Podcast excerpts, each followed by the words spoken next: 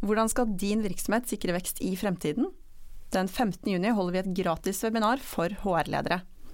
Der vil Merete Verven og Arne Krokan dele av sin kunnskap om nettopp dette. Vil du delta? Påmelding finner du på visma.no slash podkast slash hårprat eller i beskrivelsen til denne episoden. Håper vi ses der.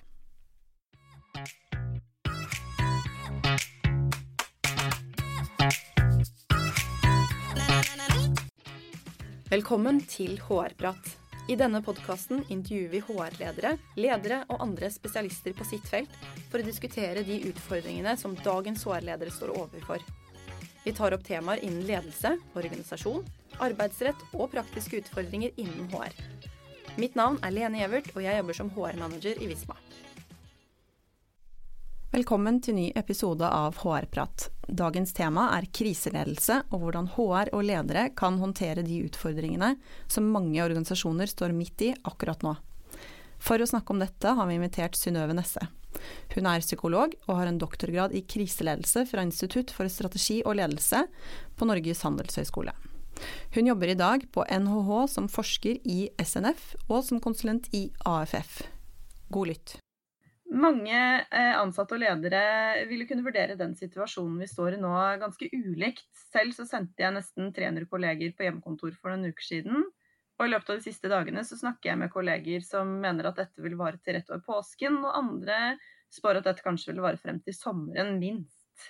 Eh, hvilken betydning vil du si at det har at vi vurderer situasjonen så ulikt? Ehm, det er nok veldig betydningsfullt for folk at de ikke vet at det er stor usikkerhet. At eh, det den ene sier ikke trenger å være mer rett enn det den andre sier. Og noen har gjerne behov for å komme tilbake til normalen fortere enn andre. Så jeg tenker at det har litt å si um, for folk at hvis de må forholde seg til at ja, dette kan vare til etter sommeren eller kanskje et år, at det kan være vanskeligere for noen enn for andre. Mens uh, det andre syns at det er lettere å forholde seg til usikkerheter. Mm. Men hvordan skal man som leder eller HR forholde seg til det hvis man ja, leder team eller avdelinger hvor man har et så bredt spenn i hvordan vi håndterer usikkerhet? Jeg tenker at det er veldig viktig som leder uansett tenke at uh, vår generelle toleranse for usikkerhet er ikke så høy som vi kanskje skulle ønske. Sånn at det, det viktigste uh, som leder er egentlig å gå inn og prøve å, å regulere eller gjøre noe med den usikkerheten du kan. Mm. Uh, jeg har anbefalt uh, f.eks. at en bør være veldig tydelig på hva en vet noe om og ikke vet noe om. Være en trygg informatør som leder. Og I den grad du kan uh, sette frister som folk kan forholde seg til. F.eks. nå blir det hjemmekontor de neste to ukene og så tar vi en ny revurdering. Sånn at folk har en viss stabilitet eller trygghet. Så det tenker jeg er kanskje det som er aller viktigst å gjøre.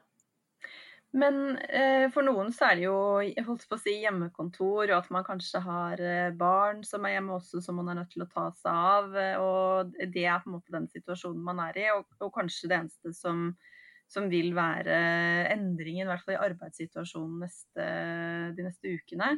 Men de som eventuelt kanskje er redde for permitteringer eller andre eh, litt større hva skal man si, utfordringer i egen virksomhet, hvordan skal man da kunne klare å trygge de ansatte og best For du sier jo at man skal svare på det man vet. Ja, det tenker jeg at en bør svare på det en eh, vet. Eh, men da er det samtidig også viktig å vektlegge og ha omsorg for det som medarbeideren blir ramma av eller blir påvirka av. Sånn at det å være så ærlig som mulig i en sånn situasjon er viktig. Eh, og samtidig så må en da forstå at det påvirker ulikt. Så tenker jeg sånn at eh, folk står i det de står i. Sånn at om du har hjemmekontor og barn og kanskje er vanskelig for å få gjort oppgavene dine, eh, samtidig som du da har hjemmeskole, så kan det for den som står i det, oppleves som like krevende som å stå overfor en permisjonsrisiko vi reagerer sterkest på det som er oss nærmest, og det handler litt om eh, å klare å forstå at begge deler kan føles veldig vanskelig. Mm. Vi er litt inne på det, for det er jo ikke alle virksomheter som eh, alvoret kanskje har truffet i, i like stor grad ennå. Eh, for noen driver jo nesten som før, men at man sitter på hjemmekontor. Men, eh, men ser at det kanskje kan utvikle seg på flere måter, og at man må planlegge for ulike scenarioer. Hvordan skal man lede en organisasjon gjennom noe slikt, tenker du? Man, altså, hvordan finner du balanse mellom å fortsette som før og kanskje planlegge worst case scenarios? Er det noe man skal gjøre eller bør gjøre? Ja, jeg er egentlig veldig opptatt av virksomheter som bør gå inn på kanskje to ulike former for worst case scenario. Et som de tenker er hvis det virkelig eskalerer, og et som er hvis det går sånn som en kan estimere seg fram til. Da. Nå har vi en så usikker situasjon at scenarioarbeid faktisk til og med er litt vanskelig. Um, Sånn at uh, det kan være greit å ha stor åpenhet for å justere sånne worst case scenario. Så finnes det selvfølgelig en mulighet for å utarbeide et best case scenario. Det som jeg syns er aller viktigst, er at en organisasjon i krise må være veldig var for å ta vare på to ting i utgangspunktet. Det ene er at noen må være veldig oppmerksom på krisens eh, si, potensielle skadeomfang eh, og ringvirkninger av de tiltakene en gjør. Og det bør kanskje være et kriseledelsesteam. Eh, mens noen bør være opptatt av det som handler om å opprettholde kjerneaktiviteten, eller fortsette å levere på det som vi kaller for verdiforslaget til virksomheten. Altså det som gjør at eh, kunder har lyst til å bruke tjenestene som en har, eller ja, varene. Eh, og det bør kanskje skje mer i en, en linjeorganisasjon til vanlig. Men eh, akkurat nå når det er såpass ekstremt for mange virksomheter, så anbefaler jeg egentlig å opprette et eget team som jobber med det som jeg kaller for forretningskontinuitet. Ja. De skal da konsentrere seg om uh, å fortsette som før, men òg gjøre de justeringene som kreves for å kunne levere det som uh, da er virksomhetens uh, misjon, eller ja, de kundene du er nødt til å serve for å fortsatt bestå som virksomheter. Men hvem er det som eh, tradisjonelt bør være inn, tenker du er mest gunstig at er med i et sånt team, og for så vidt et sånt uh, De som sitter og planlegger worst case scenario, altså disse beredskapsteamene? Mm. Jeg tenker at det er litt ulik kompetanse, kanskje. Men eh, det er samtidig interessant å tenke at noe, noe av funksjonaliteten bør være lik. For et kriseledelsesteam skal gjerne ha med seg de som har kompetanse på sånn her og nå-utvikling, og gjerne scenarioutvikling Eh, kriseledelseskompetanse. Og Der bør òg selvfølgelig det HR være med. Eh, det er en av kjernefunksjonene der. Eh, kommunikasjon. Kanskje administrerende direktør eller en annen person som har veldig stor virksomhetsforståelse, bør være kriseteamet. I det som kalles for team for forretningskontinuitet, så tenker jeg at det kan være mer en faglig ledelse. Men der bør det òg være noen med strategisk kompetanse som kjenner DNA-et til virksomheten. Og så tenker jeg at Også der er f.eks. HR-funksjonen viktig, fordi det handler om hvordan en skal disponere personell eh, i f.eks. ulike scenarioer der det kanskje er snakk om permittering, eller det er snakk om eh, å bruke ressurser annerledes. F.eks. bruke de til kompetanseheving nå når det er mulighet for det. i større grad. Mm. For ledere som kanskje ikke er en del av disse teamene, men som uansett er nødt til å være leder nå og i tiden som kommer, hva tenker du er det viktigste de kan gjøre? Jeg har eh, vært ute og snakket litt om i forskjellige medier om viktigheten av tilstedeværelse nå. Eh, og der tenker jeg at det er undervurdert hvor viktig det er for folk akkurat nå å oppleve at de er i kontakt med virksomheten. Og en av de tingene som de trenger, det er å ha kontakt med lederen sin. Og en annen ting de trenger, det er å ha kontakt med andre kollegaer. Hvis vi tenker på et vanlig arbeidsliv, så har vi kontakt med mellom 5 og 60 personer på arbeidsplassen hver dag. Og når dette er mm. vekke, så sier det seg sjøl at veldig mye av det som holder virksomheten i gang, f.eks. kulturen, det er vekke i, i, praksis. Eh, fordi at folk får ikke snakket med kaffemaskinen, de får ikke sendt hverandre en vennlig eh, si, klem eller eh, snakket sammen sånn som de ellers ville gjort. Så jeg anbefaler egentlig veldig at ledere legger til rette for at de kontakter hver medarbeider eh, underveis. Men jeg tenker òg at det kan være viktig å samle avdeling eller på tvers av avdeling i mindre kanskje virtuelle møter da, eller med bruk av, av eh, digitale løsninger. Og så tenker jeg som så at det er viktig at de som er ledere i linjen, òg eh, blir oppmerksom på at de står i en krise, de òg, da. Nå er det sånn at uh, alle ledere vil være berørt av denne, og det vil òg alle HR-funksjoner som, som, vanligvis uh, treffer folk og er tett på dem, og kanskje utvikler sin kompetanse særlig på samspill med folk som de er sammen med. Mm. Så da tenker jeg at det er ekstra viktig med, med leder- og kollegastøtte, som kanskje da blir gjennomført gjennom ja, digitale løsninger, f.eks. Eh, har du noen tanker om hvordan HR kan støtte ledere best mulig i disse tingene, eller de ansatte for så vidt? Det viktigste jobben til HR når det kommer til lederstøtte, er å være en plass der de kan komme med eh, innspill til hva de trenger. Og så tenker jeg at det er veldig viktig for HR-ledere eh, å være proaktive og komme med ulike virkemidler som kan hjelpe noen. Jeg får veldig mye henvendelser på hjelp til å etablere kriseledelsesteam, hjelp til å etablere forretningskontinuitet. Eh, det blir etterspurt eh, stressmestring, og det blir etterspurt sånn leder- og kollegastøtteløsninger.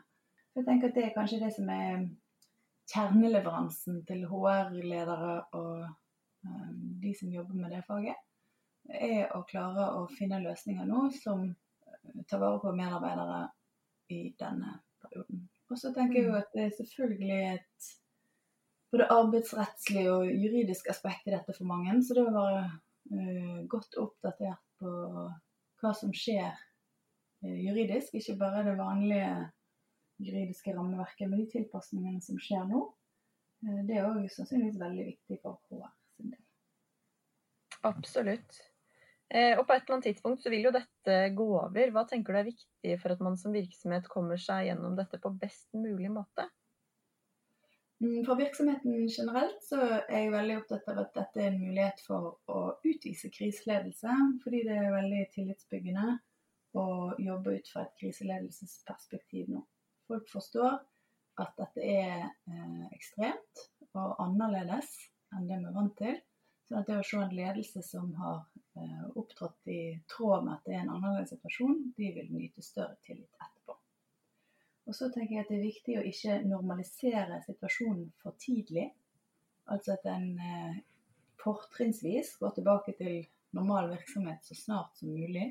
Det er viktig og bra for psykisk helse òg å jobbe og gjøre det som en normal kjernevirksomhet. Eh, samtidig så bør en lage til eh, muligheten for å eh, reagere på dette og dele erfaringer med hvordan dette har vært Eh, i etterkant, eller hvis situasjonen begynner å normalisere seg.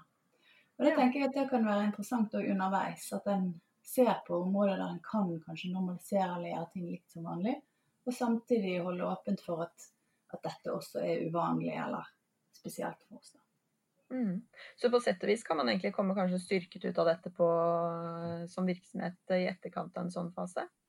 Ja, vi ser at de virksomhetene som ikke mister kjernevirksomheten sin av syne, og selvfølgelig har likviditet og disse andre viktige faktorene nå, eh, men som òg klarer å ha fokus på det som jeg kaller tohendighet. Altså både bruker denne tiden til å utvikle sitt kriselederskap og til å sette i gang kanskje utviklings- og innovasjonsinitiativ, hvis de har kapasitet til det.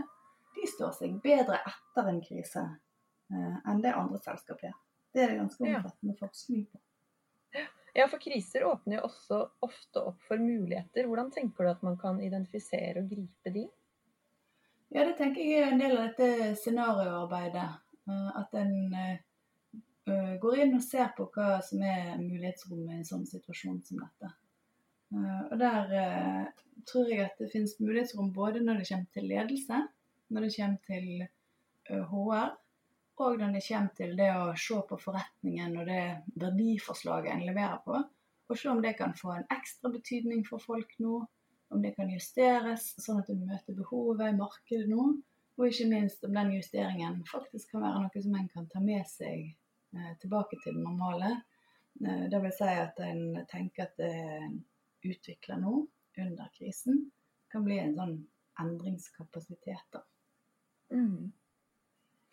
Før vi avslutter, hvis du skal gi HR-ledere tre råd for å håndtere de utfordringene som de nå står overfor, hvilke tre råd vil du gi dem da? Um, det første jeg tenker er at det er viktig å ha en sparringpartner i en sånn situasjon som dette. Og da tenker jeg at det kanskje kan være en annen leder i en annen virksomhet, sånn at det er tilstrekkelig med perspektiv på situasjonen. Og det kan godt være til en lignende bedrift, men òg kanskje en bedrift som er annerledes. Så det å bruke sitt ledernettverk er en, en måte å passe på å opprettholde et vidt nok og bredt nok perspektiv. Mm. Og så tenker jeg at det er veldig viktig å ta vare på ledelsesinitiativ som nå kommer fra organisasjonen. Det er veldig mange som begynner å bry seg ekstra om egen organisasjon i krisetid. Og det å slå ned på sånne initiativ eller ikke ta dem på alvor, det er ikke så heldig. Eh, og da tenker jeg at noen initiativ kommer jo eh, kanskje litt brått på, eller de er annerledes enn en hadde tenkt. Og da er det viktig å ta imot alle sånne forslag og innspill eh, på en konstruktiv måte, som gjør at folk tør å komme med andre forslag eller flere forslag som kan bidra til til ledelse. da, Og la folk lede noe, tenker jeg, hvis de har den kapasiteten i seg. Enten de er formelle eller uformelle ledere. Og så er det tredje rådet jeg har, knytta knyttet til det å opprette en kollegastøtteordning, som òg kan gjelde for ledere og mellomledere. Eh, og med det så mener jeg egentlig at en eh, sørger for at alle har én eller to personer som de kan henvende seg til hvis de opplever dette som vanskelig, som blir en fortrolig samtalepartner.